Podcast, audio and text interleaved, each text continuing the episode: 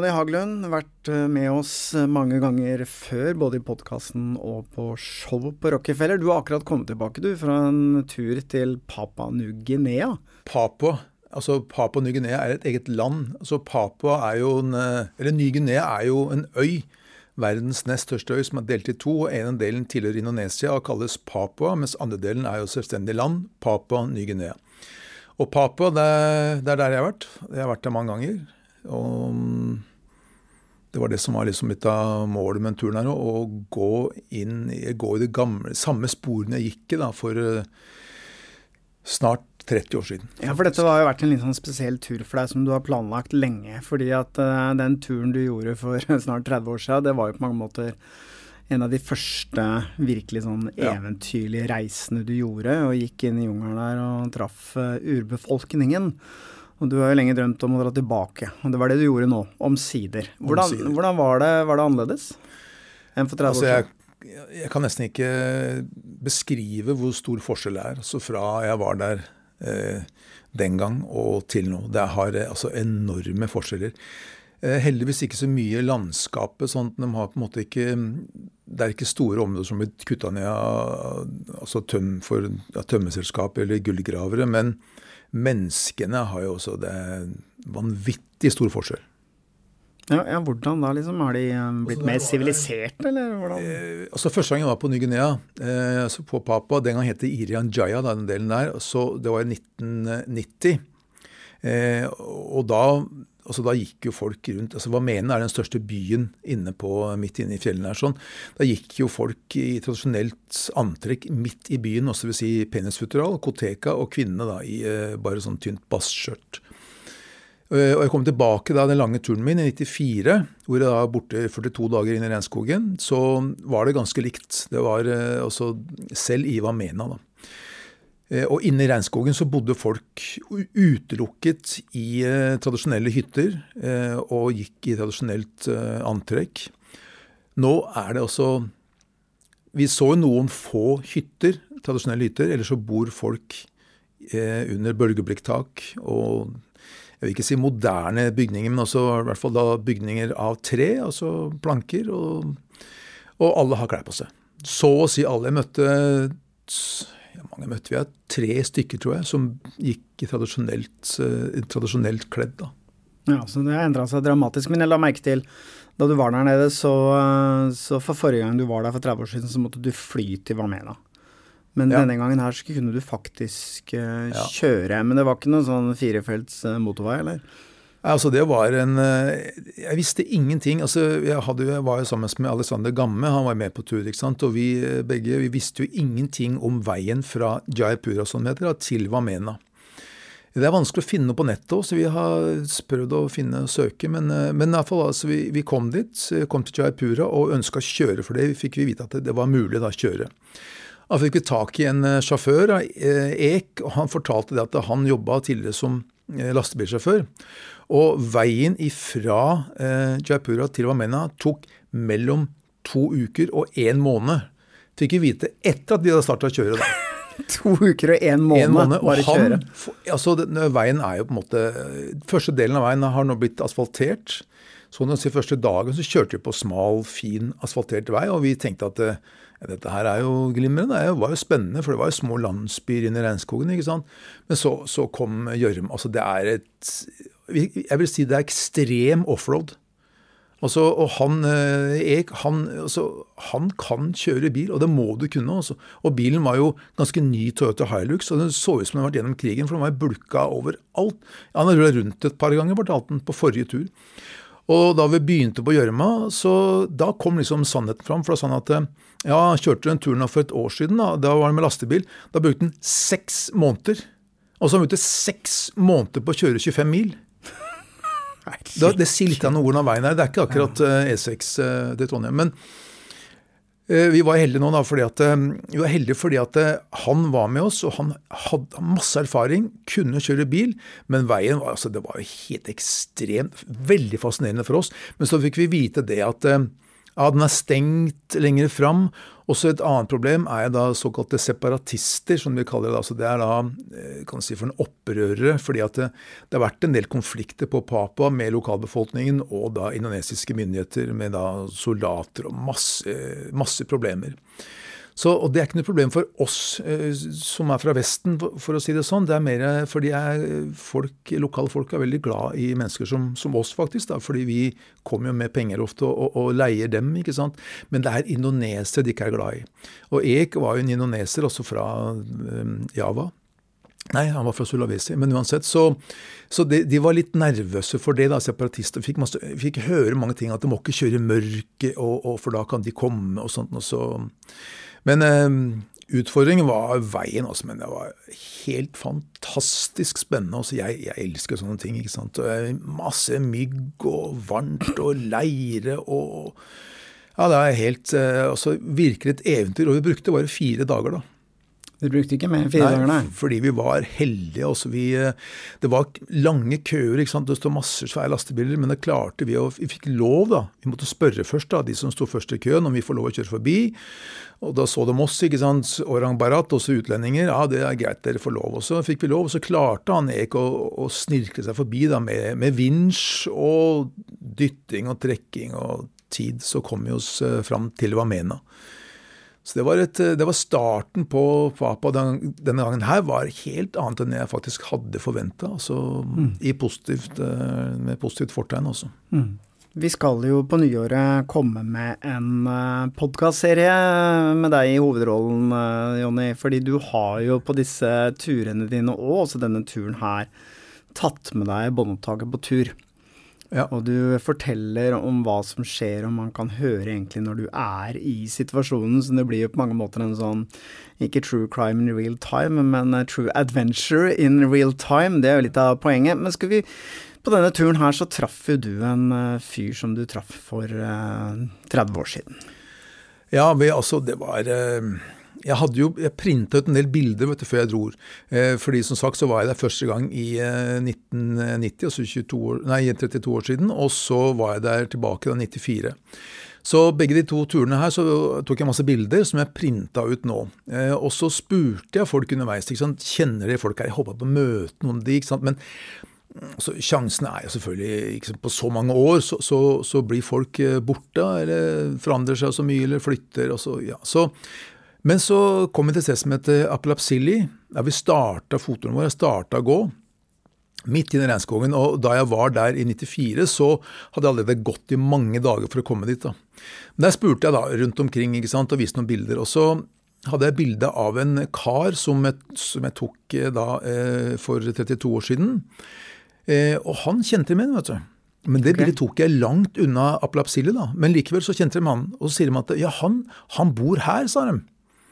Ikke sant? Og det var jo bare altså, jo, Men det, det, som er problemet, da, vi hadde jo en lokal kjentmann, Martinius, og han, han var jo eh, trivelig fyr og ærlig og snakker sånn passe ålreit engelsk, men han har tendens til å eh, love det han håper vi ønsker. da, sånn at Hele tiden så var liksom ikke sant? Er toalettet den veien der? Ja, den veien der. ikke sant? Som du peker til venstre eller høyre, spiller ingen rolle, men det er alltid den veien han, du peker. da. Men, men, eh, men, Så vi var litt sånn skeptiske. Er det sant eller ikke sant? Men så jaggu så klarte de å finne han, da. Og han var vel altså han vet, Jeg vet ikke hvor gammel han er, da, men øh, kanskje 85-90 år. Blitt såpass gammel? Ja, og bare det også bli så gammel der, det er unikt. Og enda mer unikt blir det når han begynte å fortelle. For han fortalte via da han med seg broren hans var og yngre broren hans, og så hadde jeg med Martinus, ikke sant, så fikk vi til slutt historien hans. da. Han var en kannibalhøvding, altså. Han var høvdingen over den spesielle jali-stammen i det området her sånn. Eh, han fortalte at det var han som var som slags eh, kommandosoldaten, for det var stadig konflikter mellom stammene tilbake dette, Nå snakker vi om eh, på 60-tallet også, lenge siden. Og det de gjorde da, at de, de drepte mennesker, og de spiste dem. Han fortalte det at et, en historie da, hvor han da møtte dem i regnskogen. Han skjøt med en pil og bunnen sin. Mannen døde. Han tok mannen på ryggen, bar han hjem til stammen og serverte da middag til familien sin. ok, men skal vi høre på Ja, da du litt- traff eh, han Ja, ja. Eh, kannibalhøvdingen? Ja, og han, han sa jo liksom Han har drept masse, masse folk. Han har ikke spist noen, men, men det kanskje han sier for at han ikke skal støtte oss på et eller annet vis. Men han, han drepte mennesker, og så serverte han de døde menneskene til familien sin. Det også er jo Stekt eller kokt, liksom? Skal jeg spørre? Martinus, when they, in the old times, when they had the, the cannibalism, uh, they kill people and they eat them. How they eat them? How, how uh, Hva gjør man? Boil or on, on fire? Can you ask him, is that okay? Or? Yo, yo, ya. Lulu. Ah, wera tuklat paru. abat progre Makan. sedi pak Masak sulu. sengkadang le wam suru ngara aram le sedi pak batong batong serde sedi pak Han mente det at han ikke spiste dem, han bare drepte dem og serverte dem til familien sin. Fordi at han var sjefen over disse soldatene, så hadde han ikke lov til å spise menten. da. Men jeg er litt usikker på det. Jeg møtte jo han ikke sant, som sagt, for da 32 år siden. Eh, og da husker jeg, da var jeg litt, da var jeg ikke noen journalist, da, jeg, jeg tok jo masse bilder, men jeg var litt sånn forsiktig med å spørre ting. for jeg, jeg tenker at det, som kannibalisme Hvis du spør en nordmann hei, spiser du mennesker, er du kannibal, så er det på en måte ikke sant, Det er ikke sånn 'Å, takk for at du spør', det er ikke der, ikke sant. Og det tenkte jeg kanskje at det var litt sånn her også, men det er ikke det vet i det hele tatt. De, de skammer seg ikke. Det er ikke noe, det er ikke noe de er flau over i det hele tatt. ikke sant. Så nå spurte han om dette her.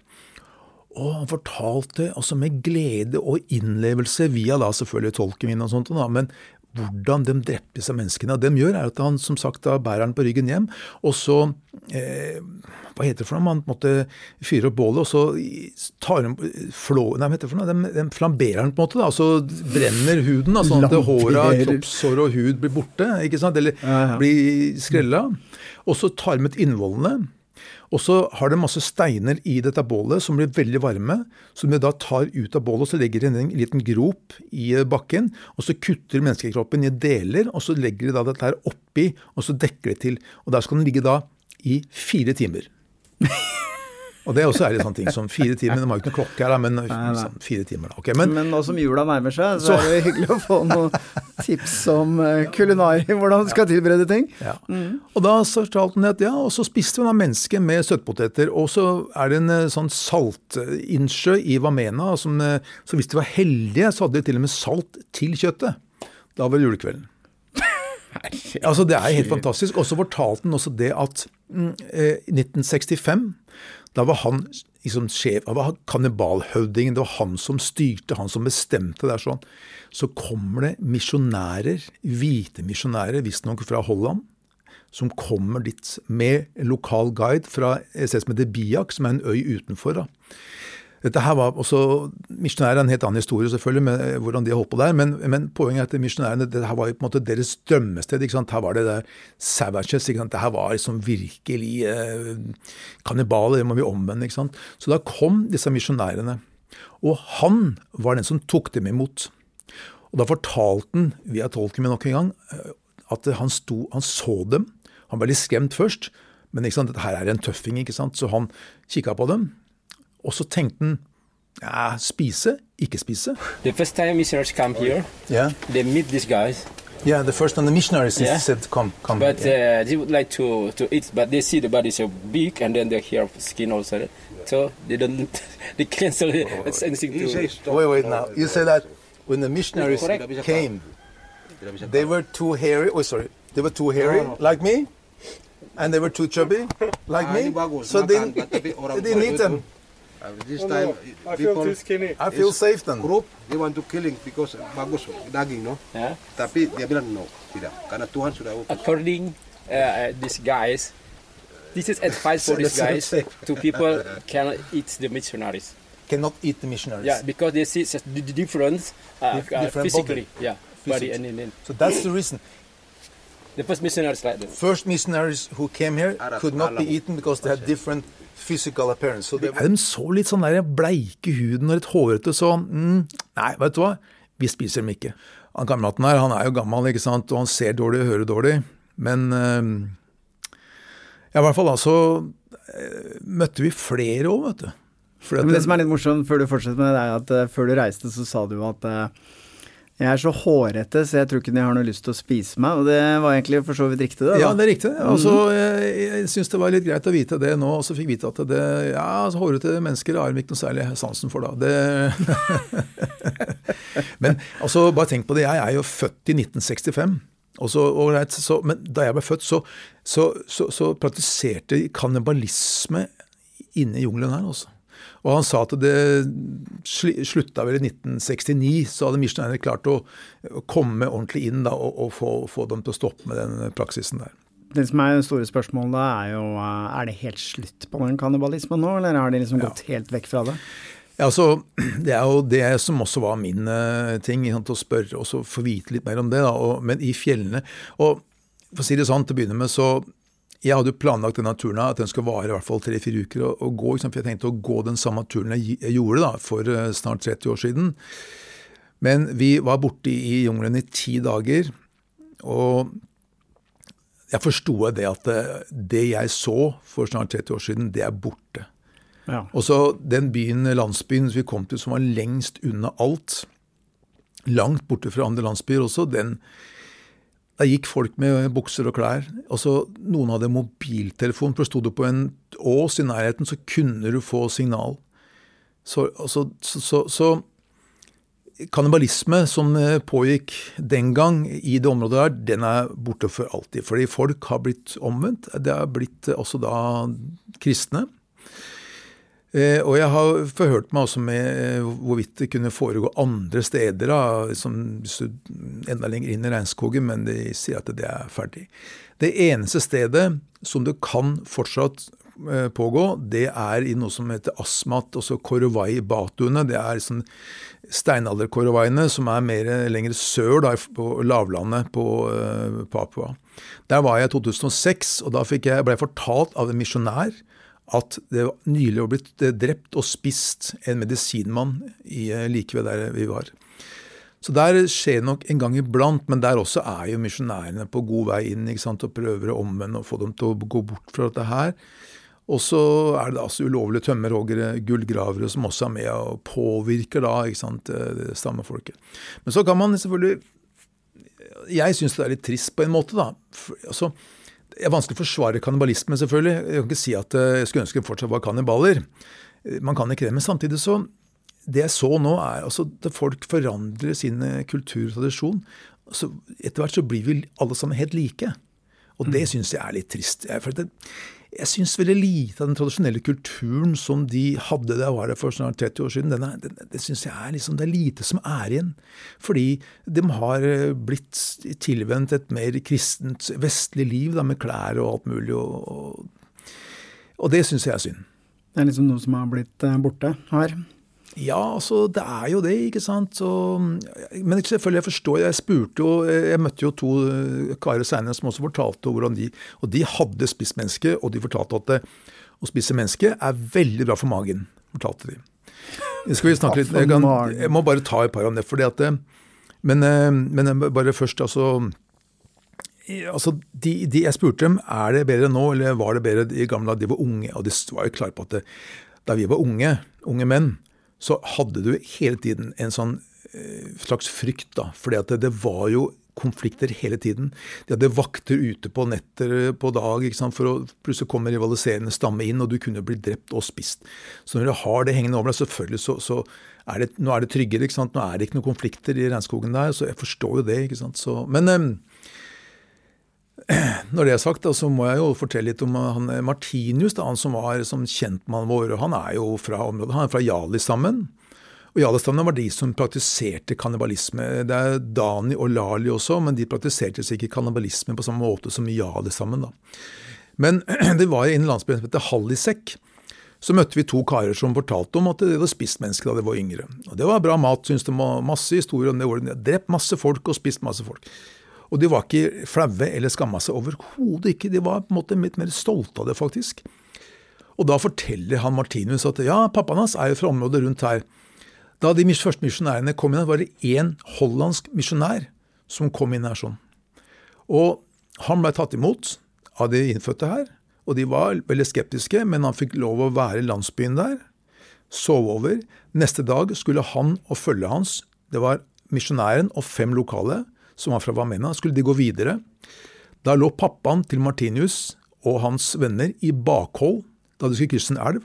De drepte alle sammen, inkludert misjonæren, og så spiste de alle sammen. Pappaen til Martinius han har spist en misjonær. altså, jeg tenker, Vi lever i, i, i, i vår tid, også 2022, og så sitter folk og snakker om hvordan de har spist mennesker. ikke sant? Altså, det er, jeg syns det er veldig fascinerende. Og han fortalte det at eh, ja, de hadde grilla han akkurat på akkurat samme måte som alt annet. Og han brød seg ikke om kroppshår, for det bare grilla han bort på bålet og sånn. Så det gikk helt greit. Flamberte det litt, så gikk det Flamberte. helt fint. Men du var jo ikke aleine. Du nevnte det i stad, du hadde jo med deg Alexander Gamme, ja. som eh, egentlig vel er mest kjent fra litt sånn polerfaring og kalde strøk. Hvordan taklet han eh, varmen og jungelen og myggen og fuktigheten?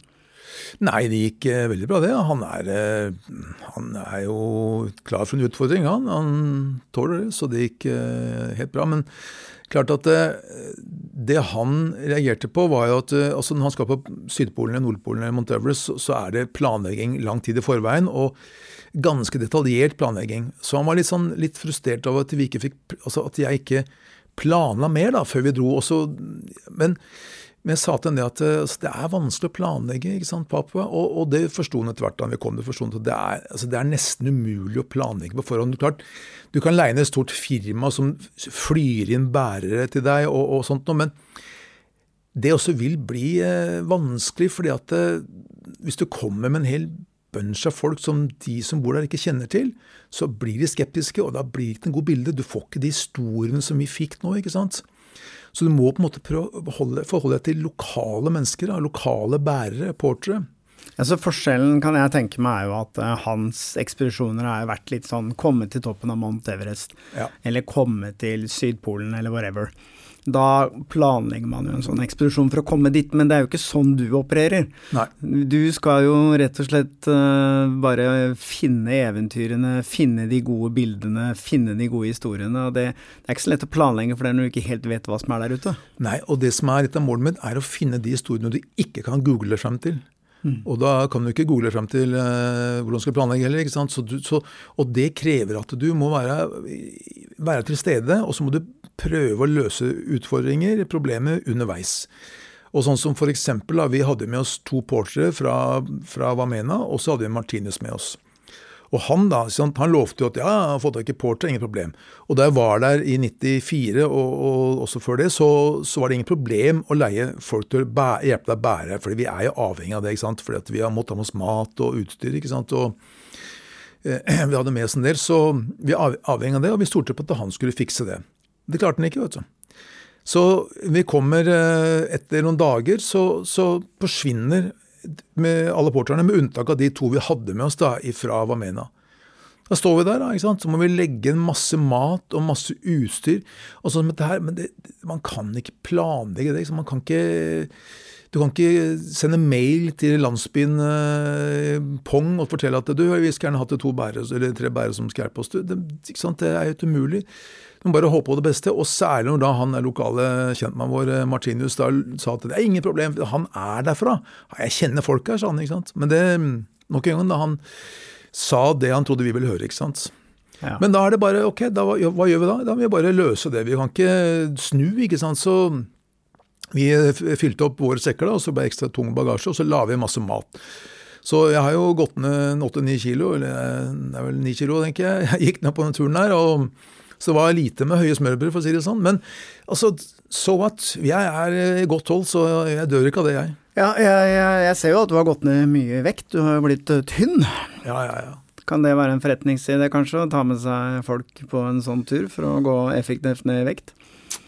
Jeg er redd de potensielle kundene kan risikere å bli igjen der for godt. Jeg vet ikke om det er noe Jeg tror det kan bli litt vanskelig. Men var det veldig fysisk krevende denne gangen? Altså, det er klart det er jo fysisk krevende, men det er jo aldri noe problem. Altså, fysisk krevende er jo som vi trener med sammen, du og jeg, veit åssen det er. Det er bare ett altså et steg av gangen, og så, så, må du bare ta det derfra. ikke sant? Så, så det er jo klart at det blir sliten og alt mulig. Men det er vanskelig, fordi stiene er vanskelig og farlige.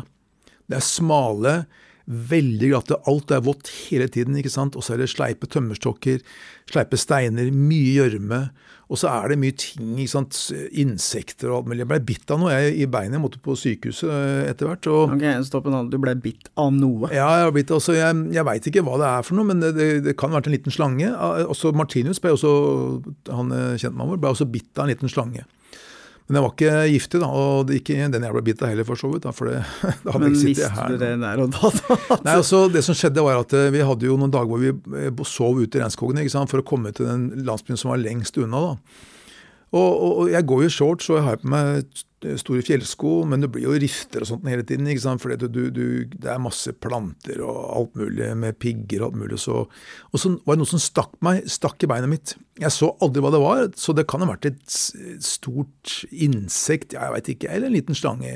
Men eh, jeg fikk iallfall hull ikke sant, i, i leggen, da, så, så jeg lappa meg litt sammen. da, men det, det fikk jeg infeksjon i seinere, så jeg måtte jo etter regnskogen-turen så måtte jeg da en tur gjennom et sykehus og få noe behandling på det. Men det er jo en annen sak. saken, men, men stiene er vanskelig, og så er det ofte veldig bratte. Rett ned, rett opp. Og så er det over da elvene sant, som er ville, eh, og ikke akkurat eh, store norske gangbroer. Så, så det, er, eh, det er vanskelig. Og selvfølgelig da når det er lite mat, så blir man jo prega av det. Og vi spiste jo søtpoteter og bananer til frokost eh, og middag, for det var jo sjelden vi hadde- lunsj, for å si det sånn. Og så regner det. Hele tida? Altså det, det regner hver dag. Så å si hver dag så regner det. Og sånn som vi, Da vi sov ute i regnskogen og slo opp teltet, og så Campingplassen er ikke akkurat eh, Ikke bare camping, det er ikke gress og flott og flatt. ikke sant? Du må bare rydde med macheten, eller parang som vi kaller det i Indonesia. Rydde plass til å slå opp teltet. Og når en har fått opp teltet, som er litt så halvskjevt, og så særlig den ene natta, så bare begynte å regne noe. Altså det regner, Dusjen hjemme, den er, eh, den er, det er ikke vann i hele tatt, det dusjen i forhold. da. Og så det, det regner så ekstremt mye at du i løpet av 30 sekunder så er du søkkvåt. ikke sant? Og så ligger jeg i teltet med masse kamerautstyr og alt mulig, som jeg da må prøve å ikke skal bli vått, ikke sant? for det er vått på gulvet. det er... Og det Sånne ting som det er jo, det er jo, det er jo spennende, utfordrende, og, men det er jo litt krevende. Det, det skal jeg ikke nekte. For oss er det med fuktighet. ikke sant? Eh, For kameraet blir jo litt eh, kjølt ned på natta, og så kommer morgenen, og så er det høy fuktighet, og så blir det varmere, og så dugger det på kameraet. ikke sant? Så, det, så det er liksom litt å styre med, da. Men det er litt å pusle med. Men det er jo det er derfor det ikke kryr av eh, folk fra min verden, da, for å si det sånn. I Hallisek, den landsbyen hvor jeg møtte disse to tidligere kannibalene, så fortalte de at det, eh, var fjerde gang de hadde hvite på besøk der. Og han, de tror at det var Jeg var der for eh, 28, eller ja, 28 år siden, og, og de tror at det var Jeg var den eh, andre som var der. Andre og fjerde. Andre, ja, Og fjerde, ikke sant. Så, Så, det rennes ikke ned av Nei, det det, vestlige turister. det det. Men hva var temperaturen? Så temperaturen var ganske behagelig, faktisk, fordi det er ganske høyt oppe i fjellene. Vi var jo på over 2000 meter på det meste, så det var ikke så gærent. På dagen var det jo varmt, for særlig de dagene hvor sola sto på, så blir det jo ekstremt varmt. ikke sant? Noen 30 grader og Men hvordan løser man Jeg bare lurer på Det er varmt, det er fuktig, du svetter mye. Du eh, bruker kroppen din eh, Bærer du med deg all drikkevannet du trenger, eller hvordan løser du det? Nei, vi, det er masse små bekker underveis. Men vi hadde jo med oss eh, filter, da. fordi at eh, du vet aldri om det er en landsby i nærheten, ikke sant. Og så hvis du drikker vann som er uh, møkkete, ikke sant, så, så eller forurensa, så blir du sjuk, ikke sant. Så vi hadde med oss filter, men vi filtrer flaskene hele tiden. Og vi drakk jo altfor lite. Så du klarer ikke å drikke så mye at når du erstatter den væska du taper når du går så eh, langt og lenge og hardt og bærer så tungt, så er det vanskelig. Så det er også, men, men det er noe sånn det er, ikke sant. Og, Men jeg lurer litt på, for du har jo gjort dette mange ganger, og du er ikke noe fremmed for å ta strabasiøse turer, men på en sånn tur som dette, det er varmt, og, og du har kanskje ikke drukket nok, og det er lite mat, og det er liksom vanskelig å ta seg fram På noe som helst tidspunkt tenker du liksom at eh, Begynner du å hate litt og synes at dette er ganske kjipt, eller synes du det er helt ok? Nei, altså, jeg har ikke noe problem med det. fordi at du må bare snu altså, mentaliteten din. Du må bare si for noe, som vi sier på judoen, tenke positivt til alle riset. Det er, Du veit at eh, i andre enden så, du, så sitter du på et hotell, og så får du god mat og en myk seng, og enda lenger så er du hjemme igjen. ikke sant? Så, så det er bare å på en måte Prøve ikke å tenke på det, og bare gjøre det. Men, men klart, det var det jeg skulle si i stad også, at det, det er fysisk Det er krevende, men det, det som er mest krevende kanskje, er det mentale, ikke sant, i forhold til at det er ukomfortabelt og sånt. Men, men det er ingen problem. Altså, så er det sånne ting som du Sånne små øyeblikk som setter så pris på. da, F.eks. disse jungelcampene hvor vi sov ute i regnskogen og alt var vått og våkna neste morgen. Og så er jo teltet selvfølgelig klissvått og mye tyngre i sekken når du skal gå videre. Men jeg husker jeg Alex hadde med seg to sånne bærbare stoler. Okay. Som jeg aldri har med, for det er liksom sånn, det er ikke mer stole på tur. ikke sant, hallo.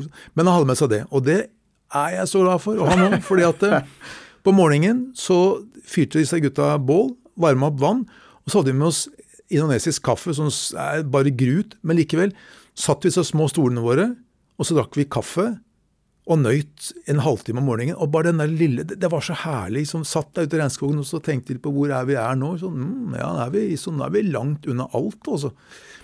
Og det er, liksom, det er det som er viktig med sånne reiser. Det er å nyte de små øyeblikkene hvor du, hvor du, nyter, hvor du da på en måte syns det er ålreit. Så ta tak i dem, og så må du bare det litt sånn slitsomme og, og vanskelige og ubehagelige må du bare legge til side, da.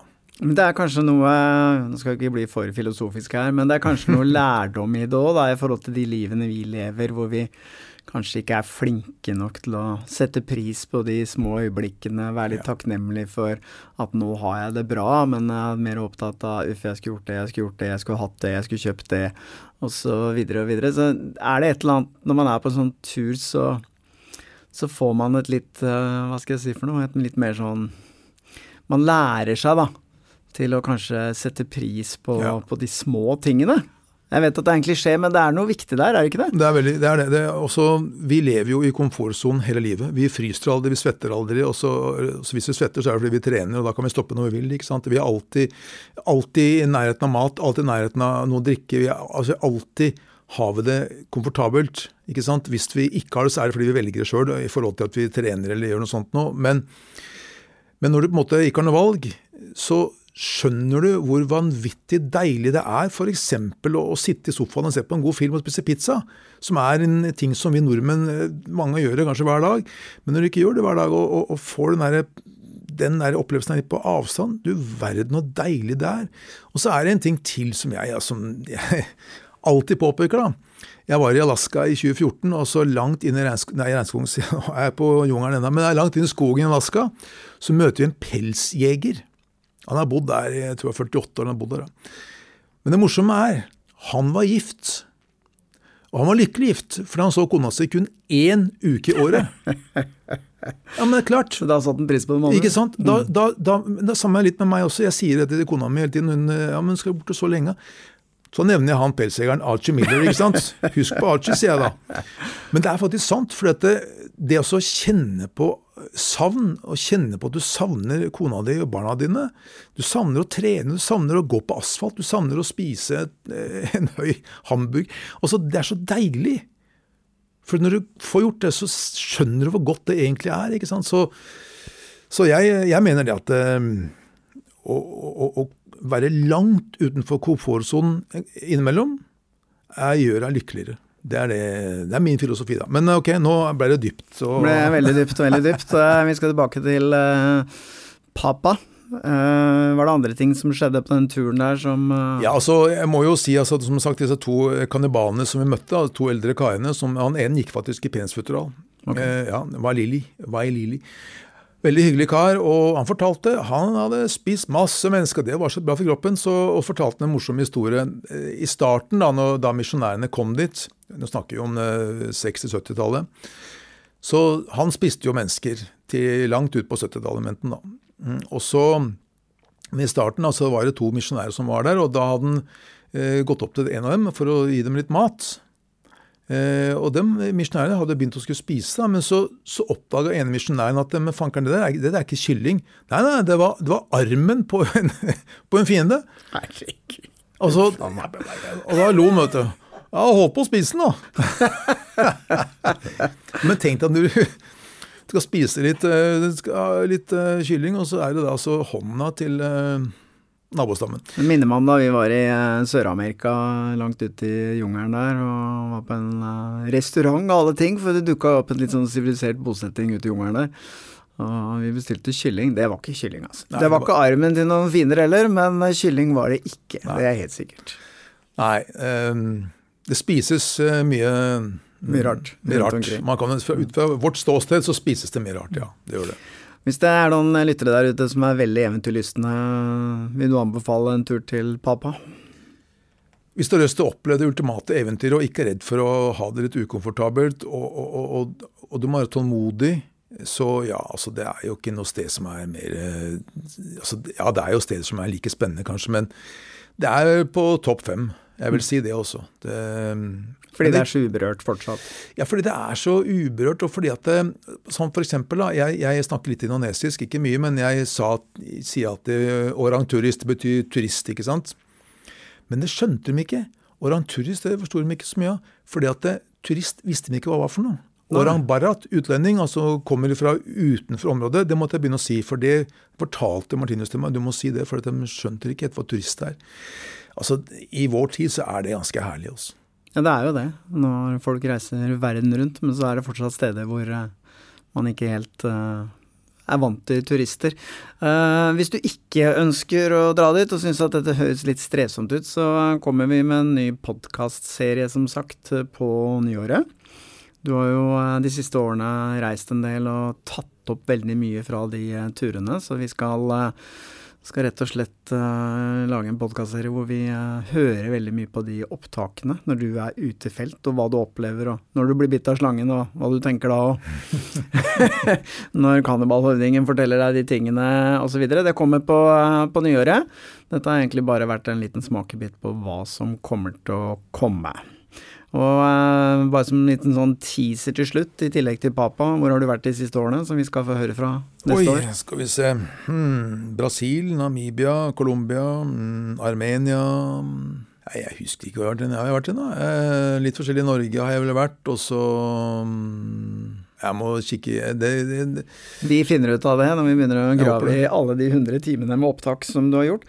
Eh, tusen takk for at du tok turen innom, eh, Jonny. Uh, vi gleder oss til denne podkastserien. Vi gleder oss til å høre alle opptakene du har gjort ute i felt, og, og ikke minst hvordan du reagerte da du, da du ble utsatt for disse tingene. Helt til slutt så husker jeg jo at du var i Namibia og prøvde å selge meg. Ja, stemmer det. Det gjorde jeg, vet du. Det, Åssen har det gått, da? Har du hørt noe, eller? Jeg har ikke hørt noe, men uh, du gjorde et godt forsøk. Det gjorde et godt forsøk. En himmakvinne, 20 år gammel himba-kvinne. Jeg fortalte om deg, og lyst i hår, men det trodde jeg ikke noe på, for det lyse, menn med lyst hår, det var jeg ikke sikker på om fantes, da. Men ja, jeg eh, solgte deg inn der også. Men hvis du ikke har hørt noe, så er jeg redd at du Jeg falt igjennom. Ja. Ok. Tusen hjertelig. Vi eh, er tilbake da med en ny podkastserie med Jonny på nyåret. Så kommer det mer informasjon om det seinere.